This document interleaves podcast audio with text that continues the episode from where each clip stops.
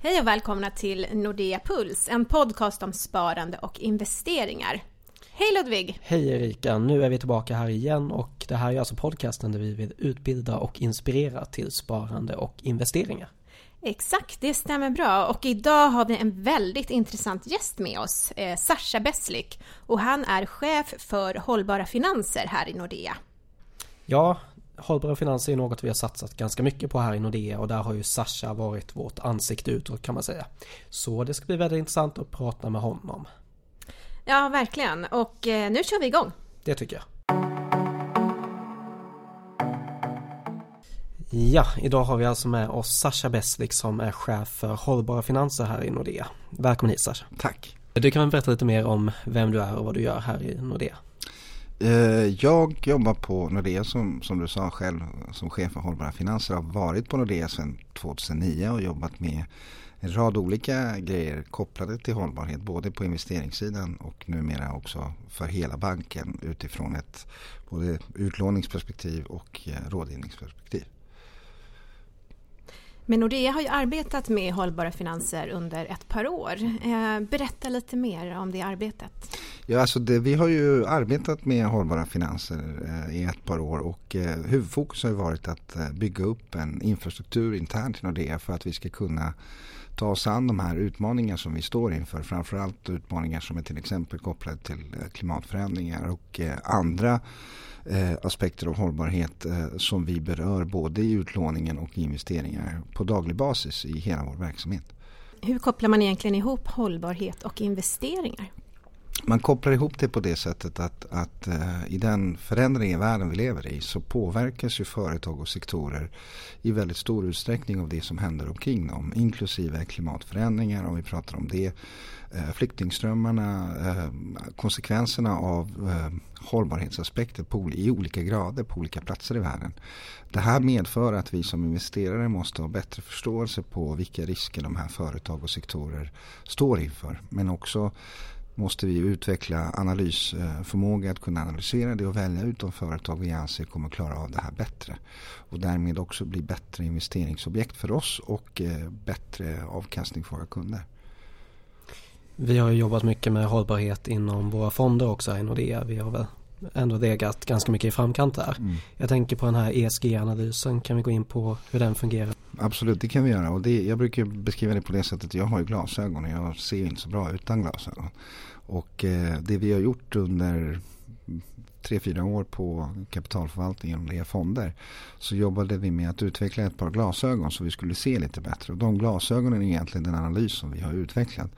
Vi är ju egentligen idag ganska ensamma om, om det här i Norden att ha en, en så stor kapacitet internt att kunna analysera företag och inte bara göra det utan göra egna bedömningar om det här är rätt eller fel för oss att investera i. Eh, och det här är eh, analys som har vuxit över tiden. Idag har det teamet tror jag nio analytiker som jobbar enbart med det här.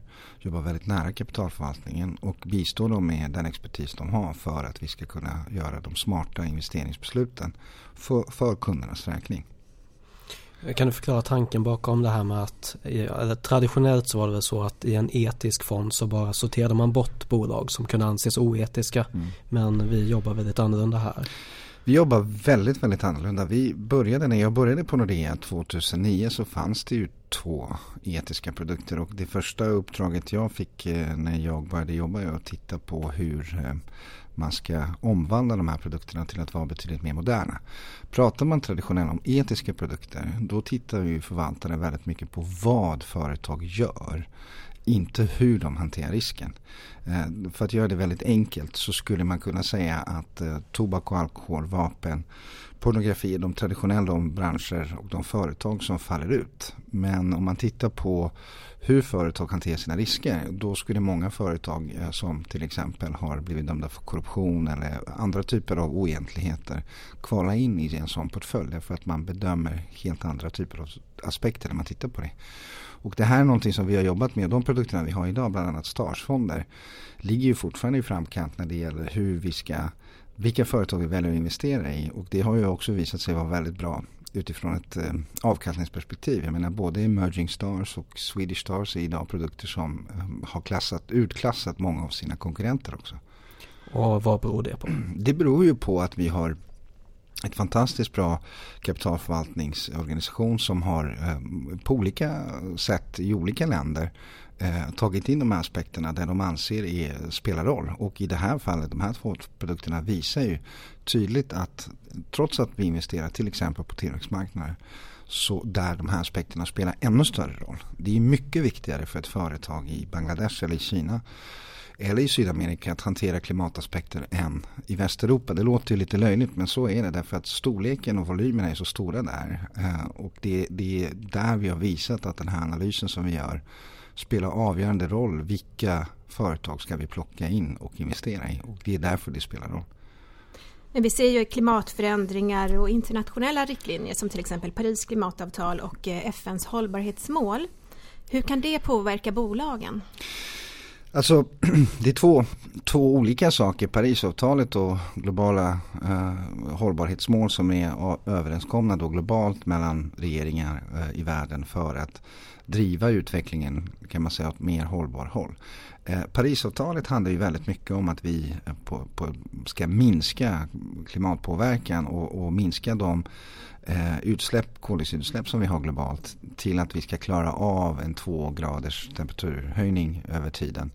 Eh, och de här två sakerna hänger ju lite ihop med varandra fast de är egentligen inte så ihopkopplade. Klimatförändringar handlar ju framförallt om att det finns dels fysiska aspekter som man tittar på fysiska, eh, det som ett företag kan känna av i termer av översvämningar eller bränder eller torka eller vad det nu är. Sen finns det det som man kallar för transfereringsrisker. Eh, att ett företag på grund av klimatförändringar inte fysiskt påverkas direkt här i Sverige. Men deras leverantörer i Thailand eller i Bangladesh eller i Kina kan påverkas indirekt så att säga via saker som händer där. När det gäller hållbarhetsmålen, de underlättar ju för företag att kunna styra sitt arbete med hållbarhet. Därför att man då anser internationellt att alla ska ju bidra och alla ska vara med. Och företag spelar ju mycket, mycket större roll internationellt än de nationella regeringarna. Därför att de är avgränsade av sina gränser och det kapitalet och finansmarknaden är inte det och inte många företag heller. Vilket gör att, att de här målen ju, spelar ju eh, roll då i det här fallet eh, i relation till hur företag ska anpassa sitt arbete för att bidra. Och det är ju också en av de eh, eh finansaktörer som har eh, varit väldigt tydliga med att, att committa sig, åta sig de här eh, hållbarhetsmålen. Men också eh, utveckla internt eh, förhållningssätt, det vill säga eh, aktiviteter som ska stödja det här. Och det är otroligt viktigt för alla oss. Men jag skulle vilja nästan säga att klimatförändringar som är då eh, en del av det här är ju betydligt mer viktiga för oss just nu än, än något annat. Men vilka risker finns då för de bolag som inte tar ansvar för eh, hållbarhetsfrågor? Det här är, när man pratar om risk så måste man prata om det man kallar för att vara eh, fången i horisonten. Eh, och det är ju två saker. Den ena är att på kort sikt så kanske är det inte är någon primär risk för ett företag att undvika att hantera klimatrisker i sin verksamhet. Men på lång sikt så kan det här vara ganska viktigt eller avgörande. Om du tar ett eh, biltillverkande företag som för 10-15 år sedan satsade, inte satsade på att skapa fler hybridbilar eller satsade på elteknik eller batterilagringen så är de företag idag antagligen de som kommer att ta smällen längre fram. Därför att de kommer inte kunna omvandla sin produktion och transferera sig till en annan värld. Eh, och det är ju, vi har ju kunnat, eh, och för oss innebär det att kunna identifiera de här nu metaforiskt de här bilföretagen då, de här företagen som, som är Eh, ska hantera de här riskerna på längre sikt och, och, investera i nya lösningar och nya produkter för att kunna möta upp dels en annan typ av efterfrågan. I framtiden så tror jag att man kommer efterfråga till exempel betydligt mer Eh, transportlösningar än bilar. Man kommer att ha en annan typ, även i vår egen industri eh, kommer man eh, röra sig närmare digitaliseringen, en annan typ av rådgivningsmodell och så vidare. Och så vidare. Så att alla de här sakerna leder ju till den här insikten. Vad händer om man inte tar hand om det här? Ja, då får man ju fejsa det som man kallar för den kalla sanningen. Att det kommer att svida och det kan ju vara finansiellt ganska jobbigt. Men finns det någon forskning gjord på, på den här kopplingen mellan hållbarhet och avkastning? Det finns väldigt mycket forskning som är gjord och både av, av så att säga, akademiska eh, personer men också, och institutioner men också av, av näringslivet själv och finanssektor specifikt. Då. Det har publicerats en rad studier som visar ju ganska tydligt att, att genom att integrera de här hänsynen då, man kallar det för hänsyn, det, eh, sociala aspekter, eh, alltså miljöaspekter, ägarstyrningsaspekter i, i investeringsbesluten så, så, ökar ju möjligheten för en förvaltare att skapa en bra avkastning. Men däremot så beror det också på hur duktig och skicklig förvaltaren är, vilken investeringsprocess man har, är det indexnära, är det aktivt förvaltat och så vidare. Så det finns ju många variabler i det här. På samma sätt som man inte kan säga att eh, alla finansiella produkter performar bra så kan man inte heller säga att alla hållbarhetsprodukter är ju per definition bättre. Det beror ju väldigt mycket på hur man gör det här.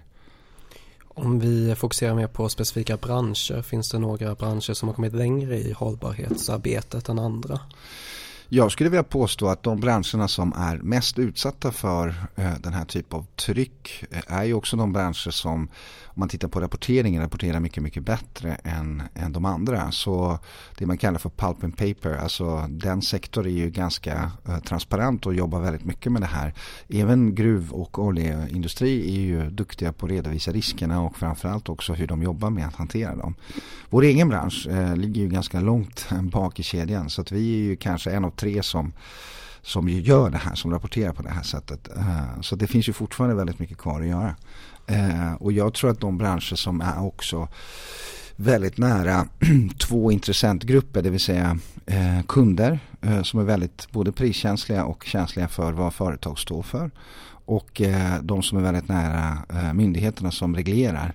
De som till exempel bilindustri eller finansindustri för den delen.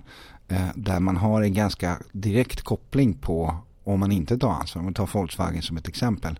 Eh, där Dieselgate har skapat både kostnader för företaget i termer av regleringar. Men också har påverkat väldigt mycket av deras kunder. Så att där har du ju närmare kund du är, eh, stora mängder kunder. Så desto mer efterfrågas det också på information i koppling till det här. Eh, hur gör ni då för att hämta in information om olika bolag? Hur jobbar ni? Vi jobbar lite annorlunda. Det ingår i de här glasögonmodellen då. Att vi, dels så, så hittar vi informationen, dels publika informationen som företag själva publicerar. Men sen har vi utvecklat under tiden en metod som, som är lite annorlunda. Det är att vi gör fältbesök och det gör vi över hela världen. Allt från gruvorna i, guldgruvorna i Sydafrika till eh, fabriksgolven i Thailand, Laos, Vietnam, eh, skogsområdena i Brasilien. Eh, och med det så försöker vi skaffa oss både insikt men också kunskap om, om hur företag i frågan eller sektor i frågan hanterar de här sakerna på riktigt. Eh, min erfarenhet, jag har jobbat med det här i 20 år, är att man kan inte göra den här typen av bedömningar utifrån det man kallar för desktop research. För det är väldigt många, det vi kallar för moving parts, det är väldigt många delar i det här som man måste förstå. Eh, och ska vi garantera till våra kunder att vi försöker ta ansvar så, så ska vi göra det på, på ett ansvarsfullt sätt. Men ni har ju många fältbesök. Kan mm. du inte berätta om det senaste besöket som du var med på?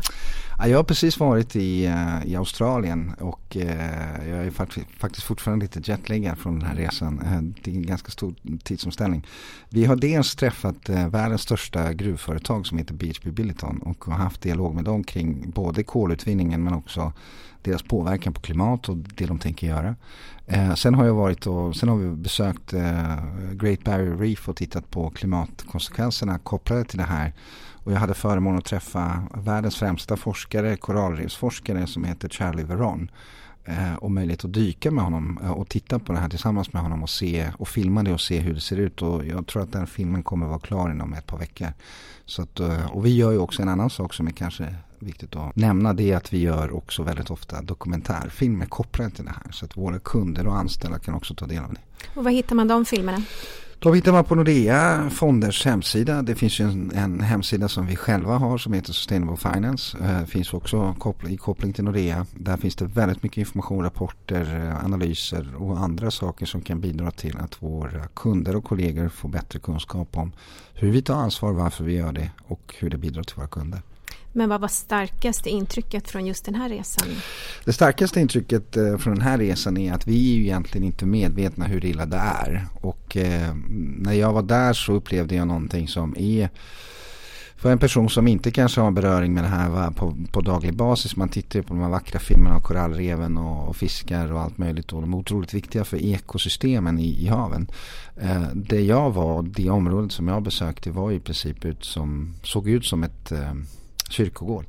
Eh, det fanns inga fiskar och eh, samtliga korallrev var döda och då dök vi på mellan 10 och 25 meter eh, på två eller tre olika ställen och jag blev inte bara ledsen utan nästan lite chockad därför att jag trodde inte att det var så illa som det var.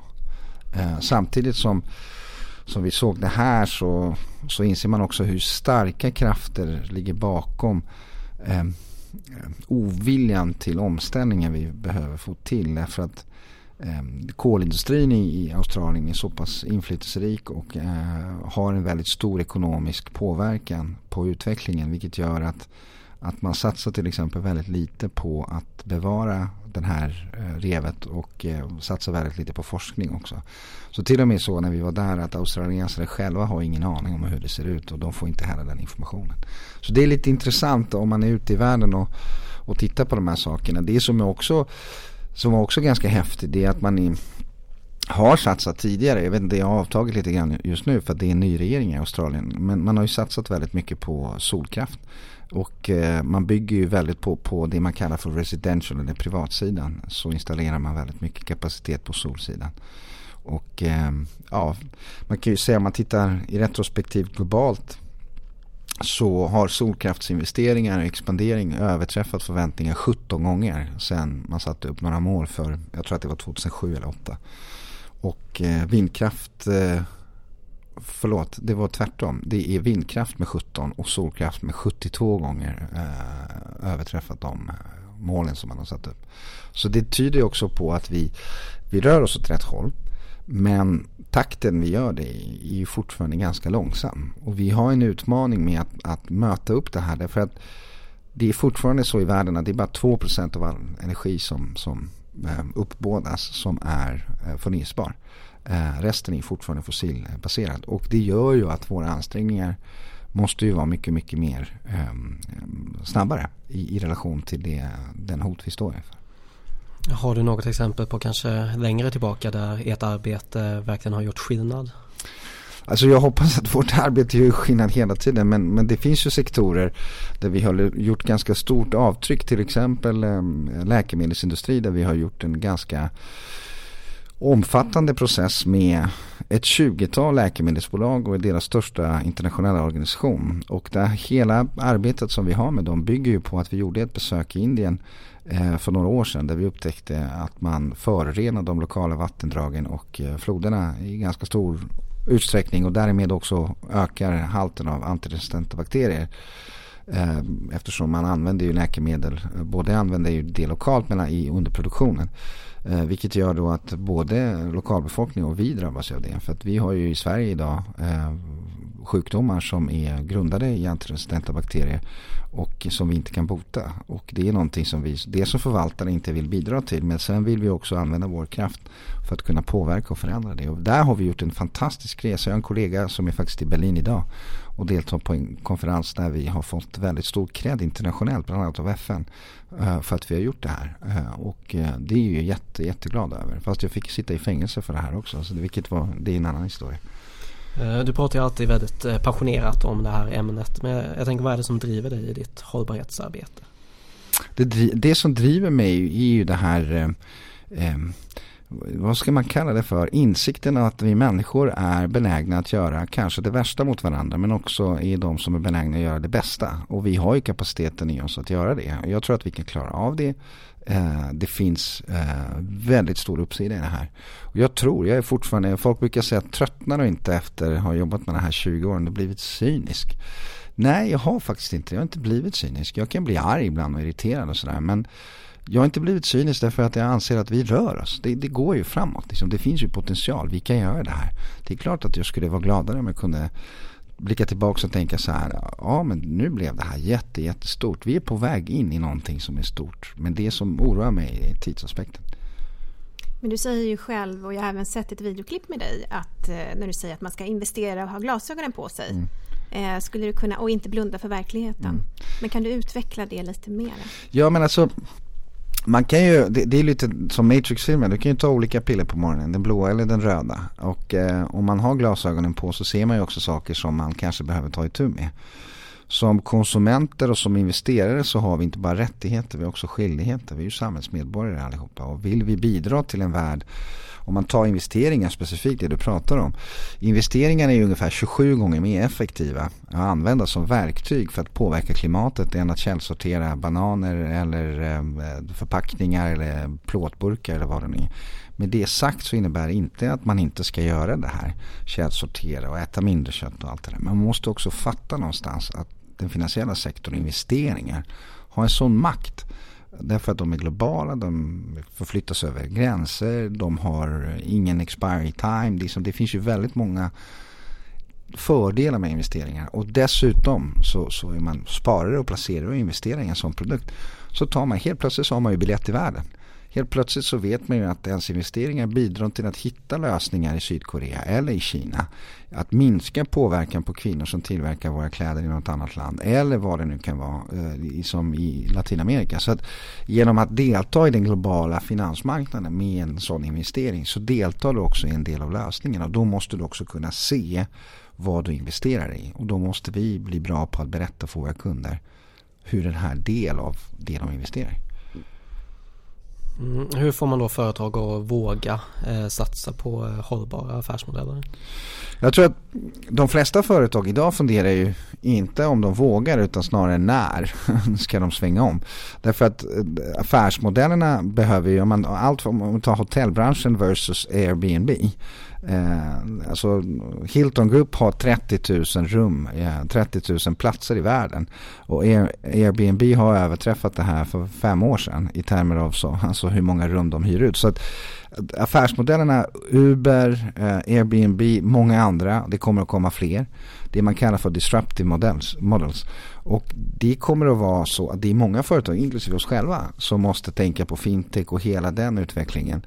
Därför att vi är helt enkelt illa tvungna att utveckla affärsmodellerna mot hållbarhet därför att de resurserna vi har kommer inte räcka till.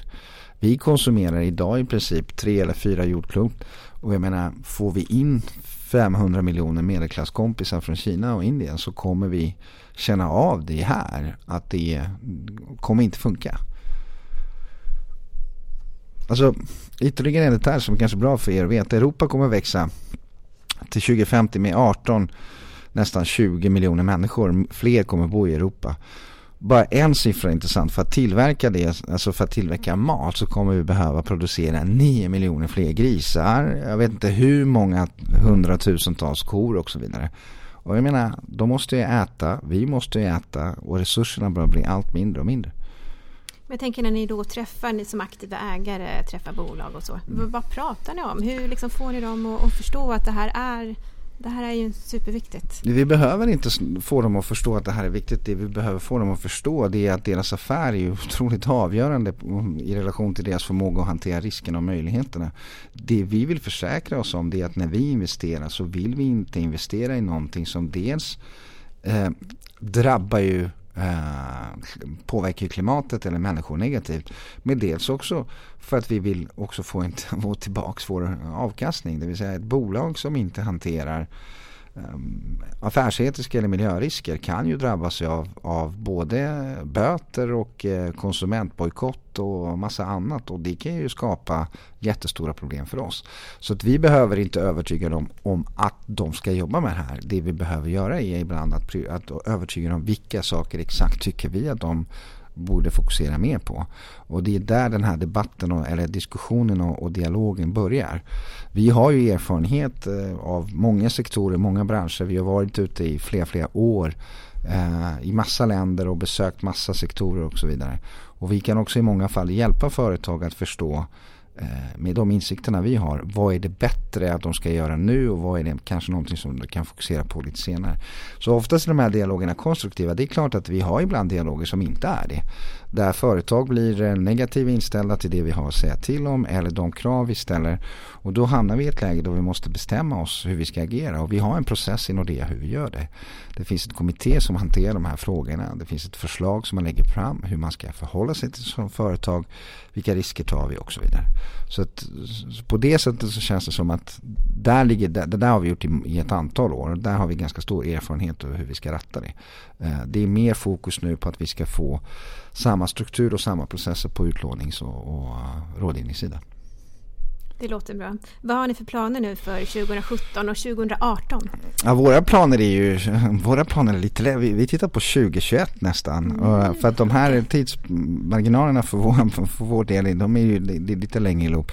Det vi fokuserar jättemycket på det är att vi, vi tittar man på en bank som Nordea så gör vi tre saker. Vi investerar, vi lånar ut, finansierar och vi rådger. Och det vi jobbar med just nu är att utveckla först och främst eh, policies, interna policies, riktlinjer och regler för hur vi ska göra det här när det gäller hållbarhet. Sen ska dessa policies och riktlinjer implementeras och återspeglas i sättet hur vi investerar. Inte bara i kapitalförvaltningen utan private banking-delarna och reliv och pension och så vidare. Eh, och också naturligtvis hur vi lånar ut eh, pengar eh, utifrån det här perspektivet. Och hur rådger vi våra kunder eh, i situationer när de behöver rådgivning med den här typen av kunskap så att de kan faktiskt göra informerade beslut. Och allt det här, alla de här tre bitarna är ju ganska stora för en bank som Nordea och vi har precis börjat.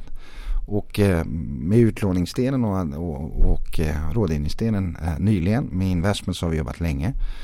Så att vi hoppas att kunna leverera en integrerad hållbarhetsbank 2021. Att våra kunder när de gör affärer med oss ska känna att det här är både jättebra för mig Eh, skitkul för att jag upplever att jag är både sedd, att jag får den information jag behöver. Men också att vi kan bidra till att tillsammans med dem bygga en värld där de själva och våra barn ska leva i. Men om vi skulle ta och försöka sammanfatta det här avsnittet. Eh, vad skulle du säga de tre viktigaste sakerna att ta med sig? Eh, vi har inte tid. Vi måste göra det nu. Vi har ett val. Tack snälla för att du kom hit Sasha Beslik. Tack. Då var alltså avsnitt nummer 11 till ända och eh, det var väldigt intressant att få höra mer om Sasha och hans arbete här i Nordea. Eh, och ni vet ju att ni alltid kan kontakta oss och vad gör man det Erika? Jo, då kan man mejla till oss på nordeapuls.nordea.se eller så går man in på Nordea Investors startsida där vi har ett eh, kontaktformulär. Precis, investor.nordea.se är adressen dit. Och vad säger vi mer än det? Vi säger tack för att ni lyssnat och vi hörs nästa vecka.